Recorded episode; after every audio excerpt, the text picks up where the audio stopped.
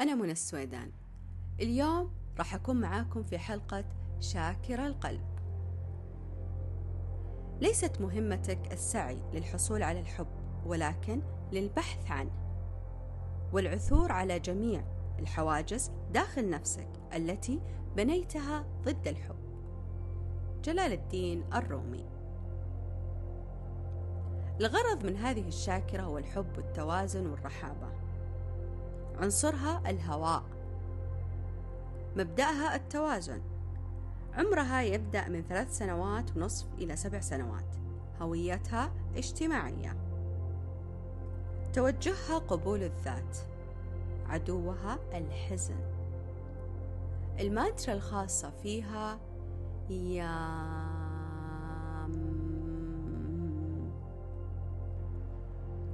تتصف باللون الأخضر. وتقع عند منطقة القلب مباشرة في منتصف الشاكرات تمثل التوازن. فهي همزة الوصل بين الثلاث شاكرات السفلية والثلاث العلوية. شاكرة القلب هي المسؤولة عن الحب بشكل عام فهي تتحكم في قدرة الإنسان على المحبة في الحياة والشعور بالفرح والمرح والسلام الداخلي. الأعضاء المستهدفة بالإصابة بالأمراض عند انسداد هذه الشاكرة هي القلب الرئتين الدورة الدموية. هذه الشاكرة مرتبطة أيضا بالغدة الصماء التي تتحكم بنظام المناعة. الصفات والمشاعر السلبية التي تتسبب في انسداد هذه الشاكرة الحزن الألم النفسي وأيضا الكراهية والأنانية والاستياء والغضب وعدم المسامحة أو الإحساس بالظلم أو الرغبة في الانتقام. تتنشط هذه الشاكرة عند التخلص من هذه الصفات نهائيا. وحب الذات وحب وتقبل الآخرين.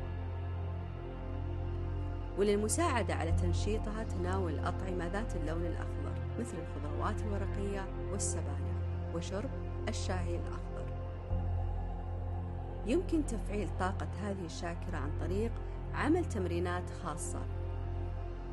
نوع من أنواع الرياضة كاليوغا أو الهوت يوغا.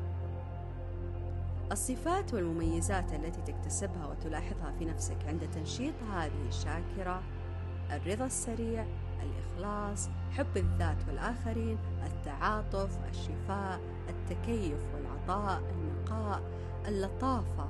والبراءة والشفافية. كيف نفتح القلب؟ كيف نجد طريقنا إلى المزيد من الحب إلى حب أعمق إلى حب أوسع؟ كيف نفتح أنفسنا لتلقي الحب ولمحبة أنفسنا دون قيد أو شرط؟ من هذا الانفتاح كيف نمنح المزيد من الحب معززين الناس من حولنا ومساعدة عالمنا في الاستيقاظ على احتمالات نموذج قائم على الحب.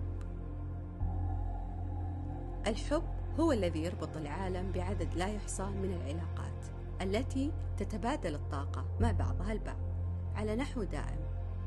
إن هذا التبادل هو الذي يجعل العالم كله ممكنا من الأشجار التي تحرر الأكسجين وتمتص ثاني أكسيد الكربون إلى الفطر الذي يفكك النباتات إلى تربة إلى الشمس والمطر اللذان يحتاجان فقط للتوازن الصحيح لخلق الحياة. إن تماسك العالم بالحالة التي هو عليها معجزة. معجزة الحب. المودة والرحمة منبع الحب اللامشروط. ضرورية لا يمكن أن نعيش من دونها. ولا يمكن أن نكون على قيد الحياة من دونها. وهذه هي الطبيعة البشرية.